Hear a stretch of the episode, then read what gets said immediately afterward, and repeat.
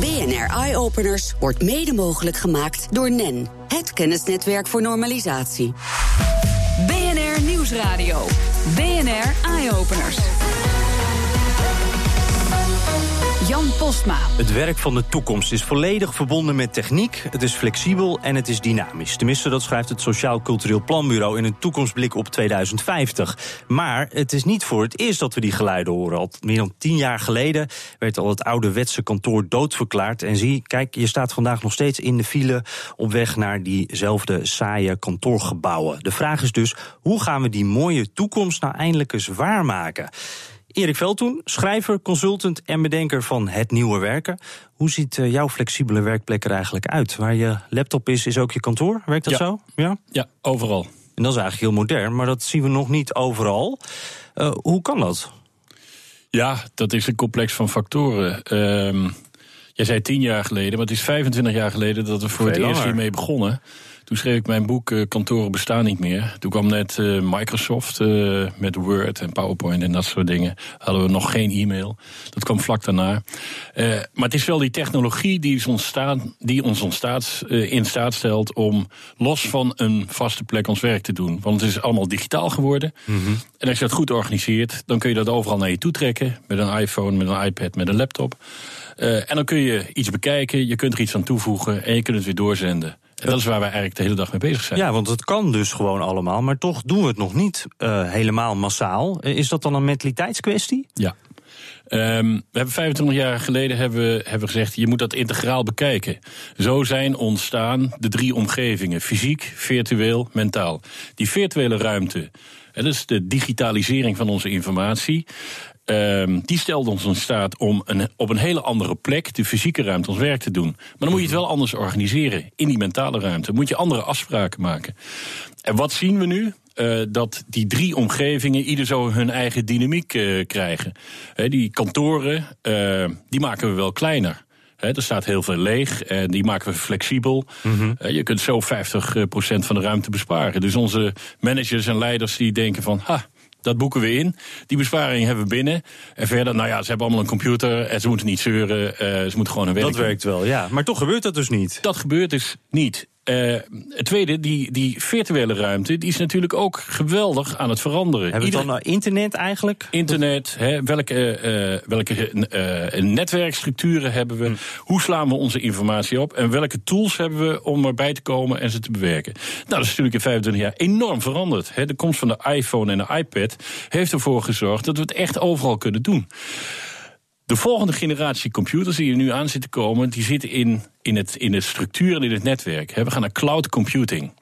En dan zijn we in staat om daar ook hele nieuwe applicaties bij te maken. Want we zijn eigenlijk nog steeds bezig met Word, uh, papieren documenten te maken. Dat format. Mm -hmm. Dat staat echt ter discussie. En dan worden het informatiestromen in plaats van documentstromen. En, en zitten we dan nu op dat punt? Is dat nog de drempel die ja. ons van echt dat flexibele werken? Ja, dus. Ja, in de virtuele ruimte is dat de next step die gaat komen en die het dan nog weer veel makkelijker maakt. Mm -hmm. Nou, dat is de tweede omgeving. En dan hebben we de derde omgeving, is de mentale uh, omgeving, waar uh, leiders en managers het voor het zeggen hebben om te bepalen wat medewerkers moeten doen. Nou, en daar, daar zijn we nog steeds bezig om dat allemaal in control te houden. Terwijl als je mensen zelf laat bepalen waar en wanneer ze hun werk doen, ja, dan moet je ze vertrouwen dat ze dat ook gaan doen. Dus je moet omslaan van in control naar vertrouwen. En dat is heel erg ingewikkeld. Waar ligt die sleutel dan? Bij die managers en die bazen? Moeten die meer vertrouwen hebben in de werknemer? Ja, het is een cultuuraspect. Dus dat heeft te maken met een grote cultuurverandering in een organisatie. En dat moet de top van de organisatie willen. En als die dat niet willen, is het trekken aan een dood paard. En, en in hoeverre willen de werknemers dit? Want uh, dit zorgt, dat flexibele werken zorgt ook voor een soort mix van privé en werk. Dat wil niet iedereen. Ja. Ik kan me voorstellen dat daar ook nog wel wat weerstand is. Tuurlijk wil iedereen dat. Waarom zou men dat niet willen? Omdat die baas blijft zeggen: je moet wel van 9 tot 5 op je werk komen. Mm -hmm. En dan verwacht hij daarnaast wel dat je s'avonds laat ook nog een e-mailtje gaat behandelen. Nou, dat gaat natuurlijk niet samen. En op het moment dat je die, dat goed regelt in die mentale omgeving, dat je ze echt de vertrouwen geeft en de vrijheid geeft om zelf te bepalen, dan wil iedereen dat. Ja, maar jij zegt dus eigenlijk, uh, maak dus duidelijk die keuze. Nu doen we alles door elkaar, waardoor ja. je ook nog s'avonds dat mailtje moet doen. Maak het gewoon helemaal duidelijk. Ja. Kies. Ja, kies. Hmm. En maar uh, wat gaat ons dan over die, uh, die, die drempel heen helpen? nieuw leiderschap. Mhm. maar dat is ook heel lastig. Hè? 25 tot 30 procent van alle mensen die werken, die zijn bezig met leiding geven. Nou, op het moment dat je mensen het vertrouwen geeft dat ze zelf zichzelf kunnen leiden, hebben we veel minder van dat soort types nodig. Dus ja, die mensen moeten ook hun eigen werk afschaffen. En dat doe je niet zo gauw natuurlijk. Ja, ja. Nou, en laten we eens even een, een blik in de toekomst werpen. Ik noemde net uh, al 2050, maar laten we even wat dichterbij. 2030 bijvoorbeeld. Hoe, hoe ziet onze werkomgeving er dan uit? Is die heel anders dan nu? Ja, absoluut. Nee, ja? dan zijn die kantoren echt helemaal verdwenen. En is maar, maar dat schreef je ook uh, dus twintig jaar geleden ook al. Ja, Gaat het nu echt gebeuren? Ja, nou, maar, uh, we zijn nu al een heleboel kwijt. Hè? Dus we zijn, we zijn op de goede weg. Maar dan in 2030, nee, dan is dat echt helemaal, uh, helemaal voorbij. En dan, dan hebben mensen ook te vrij. Dan gaan ze op een andere manier hun dag en hun week indelen. Dan gaat leren en zorg en werk gaat meer in elkaar komen. Want door die uh, automatisering en die virtualisering gaat ook heel veel werk verdwijnen. Het mhm. zou zomaar kunnen dat, uh, dat 2,5 miljoen mensen daardoor hun baan gaan verliezen. Nou, dan moeten we dat ook helemaal anders gaan uh, verdelen. En dat is wel het grote vraagstuk voor de toekomst. Nou hebben we natuurlijk op dat kantoor ook een soort groepsgevoel. Hè? Gaan we dat dan niet missen met z'n allen? Met z'n allen, s ochtends bij de koffieautomaat? Nou, Kijk, de, de internetgeneratie heeft een geweldig groepsgevoel in dat internet gecreëerd. dat komt er natuurlijk niet voor in de plaats, maar dat heb je dan. En dan gaat dat in die fysieke ruimte veel anders zijn. En om ergens naartoe te gaan, om te werken of om te ontmoeten of om te leren, dat moet een reis waard zijn. En de fysieke omgevingen moeten dus die kwaliteit hebben. En de, de agenda moet ook die kwaliteit hebben om die events en de plek goed bij elkaar te mhm. brengen. En dat hoeft dus niet elke dag in een sleur van een routine omdat een baas het wil. Maar dat is omdat je zelf dat zo organiseert. En omdat de dingen aangeboden worden waarop je dan kunt kiezen. Ja, dat fysieke dat moet echt, echt meerwaarde hebben. Dan. Absoluut. Meerwaarde. Absoluut. Oké, dank Erik Veldhoen. BNR Nieuwsradio. BNR Eye Openers. Ja, we hadden het er net al over. Veel mensen slepen zich nog dagelijks in de file naar een saai kantoorgebouw dat er precies zo uitziet als 20 jaar geleden. Alleen de schermen zijn misschien wel platter geworden. RAAF-architecten uh, bedachten een nieuwe zit. Helemaal anders. Hang, sta, lig, werkplek. Verslaggever Harman van der Veen probeerde hem uit. Ik zou het uh, een flexwerkmeubel noemen. Flexwerkmeubel. Hoe zou u het noemen? Uh, nieuwe vorm van werken. Nieuwe vorm van werken, oké. Okay. nog een mening? Ja, alternatieve werkomgeving. Dat zijn allemaal uh, ja, manieren om dit meubel, kunststuk te omschrijven. Ik zou het een apenrots noemen, waar mijn kinderen wel raad mee weten. Ik heb hier twee onderzoekers, bewegingswetenschappers Ninke en IJzen. Kom even bij me. In deze werkhoek. Ik klim in het meubel. Oh, we staan nu tegenover elkaar. En ik sta in het meubel.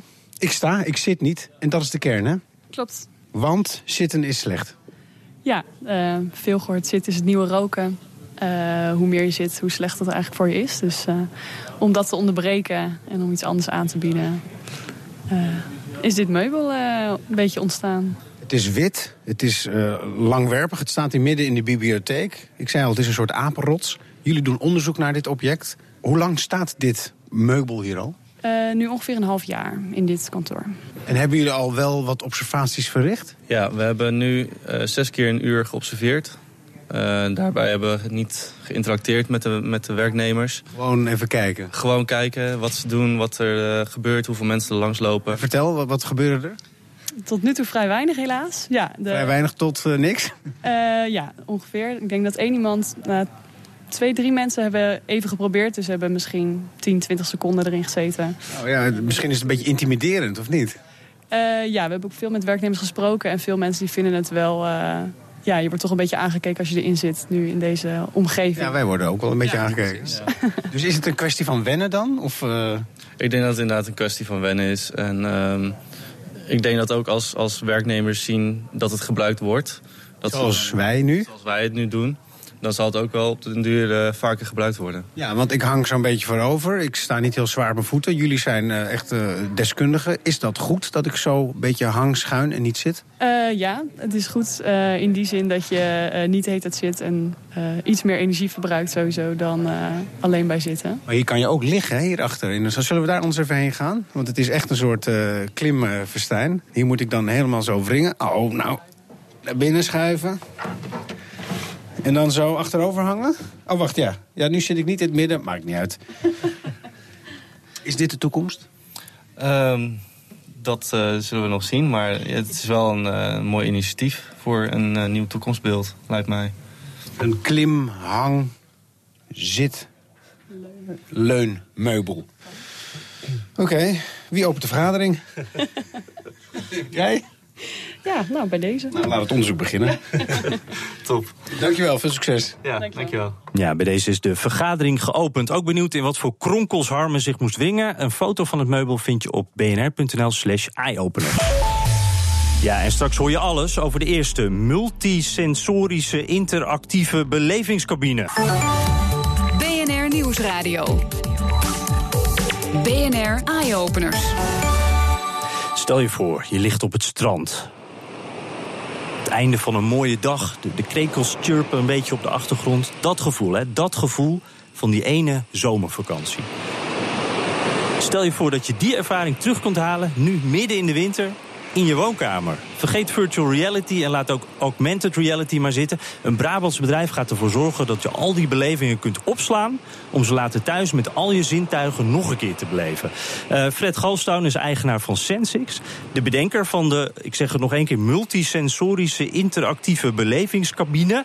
Uh, Perfect. Ja, gelukkig. Het idee ontstond, begreep ik, in een uh, moeilijke fase in je leven... toen je een burn-out had en die doorbrak. Die kwam, we horen nog de strandgeluiden, ook op het strand, toch?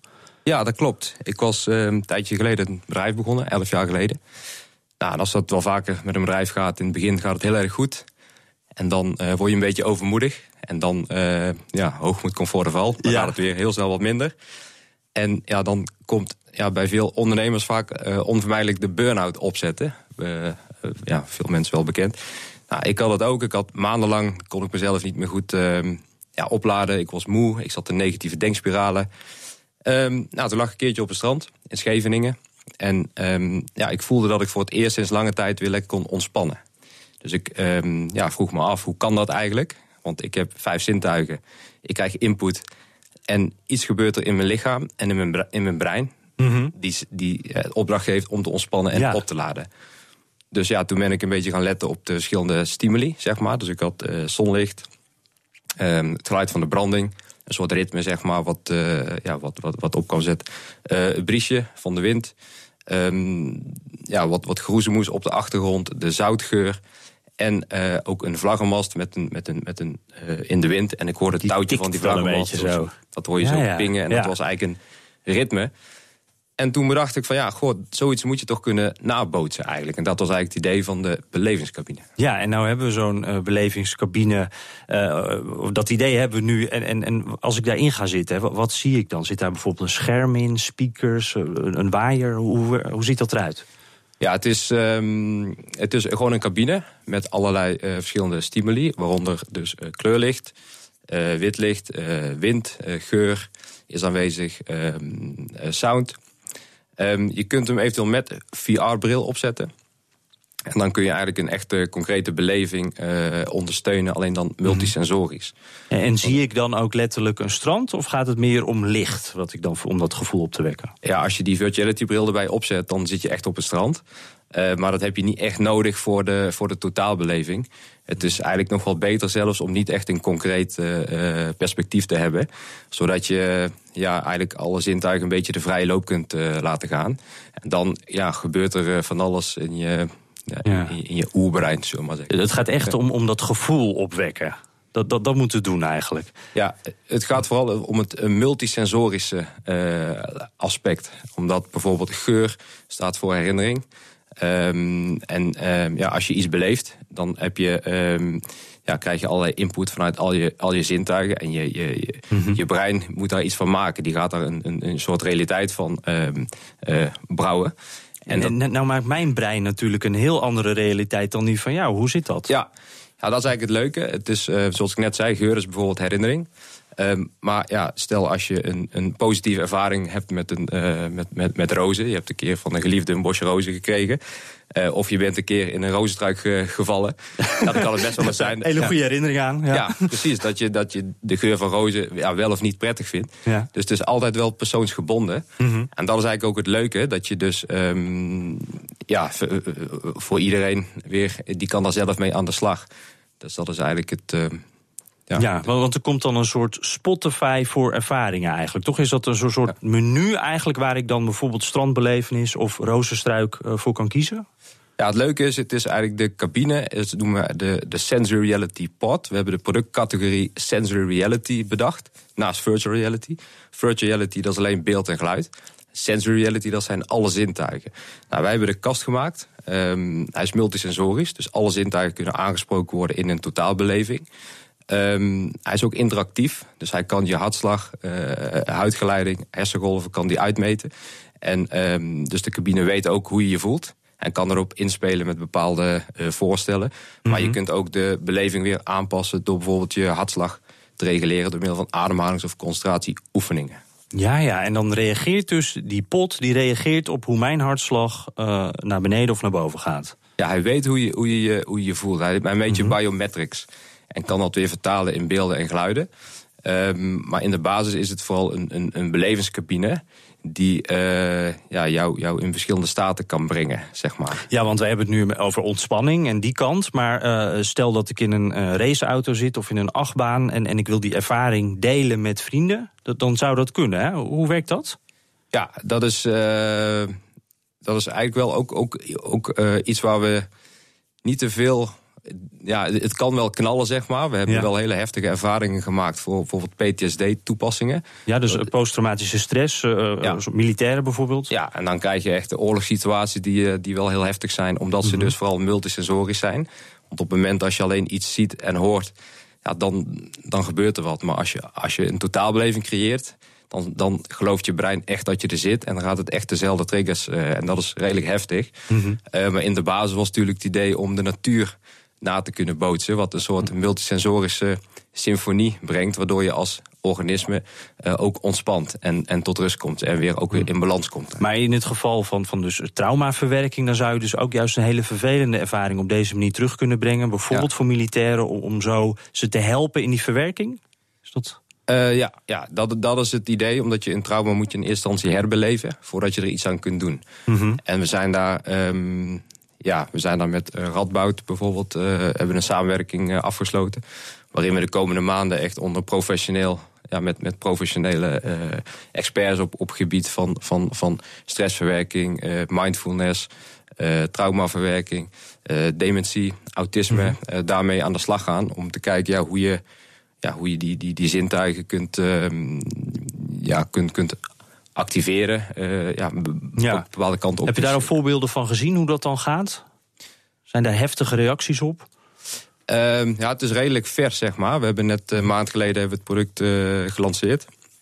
Mm -hmm. We hebben er nu um, ja, precies één gemaakt, zeg ja, maar. Ja. En er zijn er nu vijf in de maak. Dus de komende ja, vijf tot zes weken hebben we er weer vijf. Uh, ja, ze zitten nog echt eh, in, in die testfase eigenlijk. Echt een beetje in de, in de, in de start-up fase. Maar dat komt mij wel gelijk dan op mijn laatste, misschien wel belangrijkste vraag. Hoe lang duurt het nog voordat ik zo'n pot in mijn woonkamer kan zetten? Ehm, ja, we kunnen hem redelijk snel produceren. Want we hebben alles met een CNC-frees kunnen we de hele cabine maken op maat. Dat doen we hier in Delft. Uh, dat is een soort 3D-printen van uh, duurzame plaatmaterialen. Mm -hmm. En uh, het duurt ons ongeveer ja, vier, vijf weken om een, ja, om, om een kast te produceren en af te leveren. Dus ja, het kan snel. Mooi, dus nog deze winter, tijdens de kou, straks misschien een Elfstedentocht... en dan kan ik dus in mijn woonkamer op dat strand liggen... en die warmte nog een keer voelen. Ja, maar je kunt ook zelf de belevingen maken... en sharen met anderen die die volgens weer kunnen downloaden en reviewen. Dus het nou, wordt een soort nieuwe Instagram, alleen dan met uh, ja, belevingen. Met alles eigenlijk. Ja. Uh, dank Fred Galstown, eigenaar van Sensix. BNR Nieuwsradio. BNR Eye-Openers. We sluiten altijd af met eh, de leukste nieuwtjes uit het buitenland. En daarvoor hebben we aan de lijn natuurlijk de hoofdredacteur van Numrush.nl, Elger van der Wel. Elger, we beginnen bij de vliegende auto. Gaat die er nou eindelijk komen? Ja, wie weet. Hè. Het is natuurlijk uh, altijd de vraag of, of, of, of het werkt in de praktijk. Um, maar om te beginnen moet er eerst een auto zijn voordat we het kunnen testen. Airbus, uh, een van de beste en bekendste vliegtuigfabrikanten, ter wereld. Die uh, zijn er al een tijdje mee bezig. En de CEO van Airbus heeft nu aangekondigd dat dat nog eind dit jaar, dus in 2017, het prototype af moet zijn. En dat moet dan uh, ja, getest worden en gekeken worden of het echt zeg maar, haalbaar is. Zowel technisch, maar ook natuurlijk in de praktijk en financieel om, uh, om, om, om, echt met een, met een auto te gaan vliegen. Ja, dus dan zouden we wel heel snel eentje in de testfase hebben misschien wel. En dan gaat dus een, een vliegtuigfabrikant eigenlijk de auto van de toekomst maken. Dat is wel opvallend, toch? Ja, en, en daarbij willen ze ook nog alle, alle dingen die ze al hebben geleerd, of die andere bedrijven hebben geleerd van de zelfrijdende auto, de ontwikkeling daarvan ook gaan toepassen. Zodat je ook straks in theorie in die vliegende auto stappen en zeggen: Nou, ik moet uh, naar dat en dat adres. En vervolgens uh, gaat dat ding zichzelf helemaal die kant op sturen. Nou, dat is ook wel prettig. Want dat vliegen, daar uh, moet je soms dan ook nog wat diploma's voor halen. Is ook natuurlijk niet altijd ja. even praktisch. nee. hey, laten we even vliegen naar de Super Bowl in Amerika. Fox Sports en Intel die hebben iets bedacht waardoor de kijker wedstrijden nog intensiever kan beleven. Hoe zit dat? Ja, dit is serieus een van de vetste stukjes beeldtechniek die ik ooit heb gezien, denk ik. Uh, Intel heeft uh, vorig jaar een bedrijf overgenomen um, en daarmee uh, een techniek ja, in huis gehaald. Die noemen ze replay technology. Wat ze doen is met een heleboel camera's het hele voetbalstadion en alles wat er gebeurt real life in kaart brengen. In een soort 3D-kaart. En vervolgens kun je in principe van elk punt in dat stadion, of het nou op het veld is of van langs de kant, kun je beelden bekijken. En ook desnoods een beeld zelfs stilzetten en er in een soort Matrix-stijl omheen draaien. Oh, wow. Ik weet niet of je die scène nog kent, dat, dat, dat, ja, dat die Neo stil staat. Ja. Precies. Nou, dit kunnen ze dus in het echt. Uh, is ook al bijvoorbeeld bij de NBA gedaan met een basketballer die, die slam dunkt. En waar dan omheen gedraaid wordt. En uh, dat willen ze nu ook toepassen uh, rond de Super Bowl, bij, bij American Football. Door bijvoorbeeld jou vanuit de ogen van een speler te laten kijken. Die draagt niet een letterlijk een camera, maar ze visualiseren dat stadion en kunnen dat beeld dus recreëren, waardoor jij vanuit de ogen van spelers die wedstrijd kan volgen. Nou, meer intensief en belevend kun je zo'n wedstrijd volgens mij niet, uh, niet krijgen. Nee, gaaf. En, en is dat dan in, in de replay, dus achteraf, of kan dat dan ook al live tijdens een wedstrijd? Nou, in principe is het, is het, is het techniek echt gebruikt om, uh, wordt echt gemaakt om, om replays te doen. Zodat je mm -hmm. achteraf even rustig op die manier uh, kan nakijken. Want je moet natuurlijk maar net weten waar je op welk moment moet kijken. En dat, dat kun je gewoon bijna niet uh, van tevoren bedenken. Nee. Um, dus het is wel echt bedoeld voor replays. Maar in theorie lijkt het me, als er genoeg rekenkracht is, dat het ook live zou moeten kunnen. Handig uh, voor scheidsrechters lijkt me ook. Het buitenspel wordt net even wat makkelijker. Ja. Hey. Wordt, wordt er weer een hele andere discussie, denk ja, dat ik. is zo, dat is zo. Laten we het eerst eventjes, voordat we die discussie gaan doen, gaan hebben over de volgende generatie smartwatches. ik ben wel benieuwd, wat kunnen die wat de huidige smartwatches nog niet kunnen? Nou, er is een, uh, er is een uh, belangrijk onderzoek gedaan. Um, waarbij eigenlijk is gekeken van als je een smartwatch hebt met genoeg sensoren die, die je bloeddruk meten, zuurstof in je bloed, uh, lichaamstemperatuur, hartslag, nou, allerlei van dat soort factoren. kun je dan met slimme technologie eigenlijk niet alleen meten of iemand ziek is, maar ook eigenlijk al gaan zien dat iemand ziek wordt. Als je al ziet, hé, hey, bloeddruk gaat omhoog of iemand wordt net wat warmer uh, dan kun je eigenlijk al, al, zonder dat diegene het zelf weet, merken: hé, hey, die is ziek aan het worden. En kan je iemand al vooraf waarschuwen. Oh, wauw. En, en is dat nou iets wat al snel op de markt gaat komen, of is dat ook nog testfase? Ja, het, het, het, is natuurlijk, het is natuurlijk echt wetenschappelijk onderzoek. Dus het kan altijd wel even duren voordat zoiets naar de, naar de markt komt. Maar wat wel interessant is, is dat bij het experiment al heel concreet uh, bij iemand de ziekte van Lyme, die je van teken krijgt, is, -hmm. uh, is vastgesteld voordat hij het uh, zelf door had. Ja. Um, dus het is al wel zo, de techniek is al wel zo ver dat hij ook echt, zeg maar, praktisch iets heeft kunnen laten zien in de, in, in de wereld bij iemand. Um, dus wie weet dat het wel heel snel kan gaan. Ja, dan uh, gaan we niet meer uh, naar alleen de tijd op je horloge, maar ook je eigen gezondheid. Dat is toch wel echt een uh, stap verder. dank Elger. En dat was hem voor nu. Op bnr.nl slash eyeopeners vind je nog veel meer innovaties met impact. En op Twitter zitten we ook, BNR Innovatie. Heb je zelf iets leuks gezien of iets leuks bedacht? Stuur dan een mail naar eyeopeners.bnr.nl. Je hoort ons in de toekomst. BNR Eyeopeners wordt mede mogelijk gemaakt door NEN, het kennisnetwerk voor normalisatie.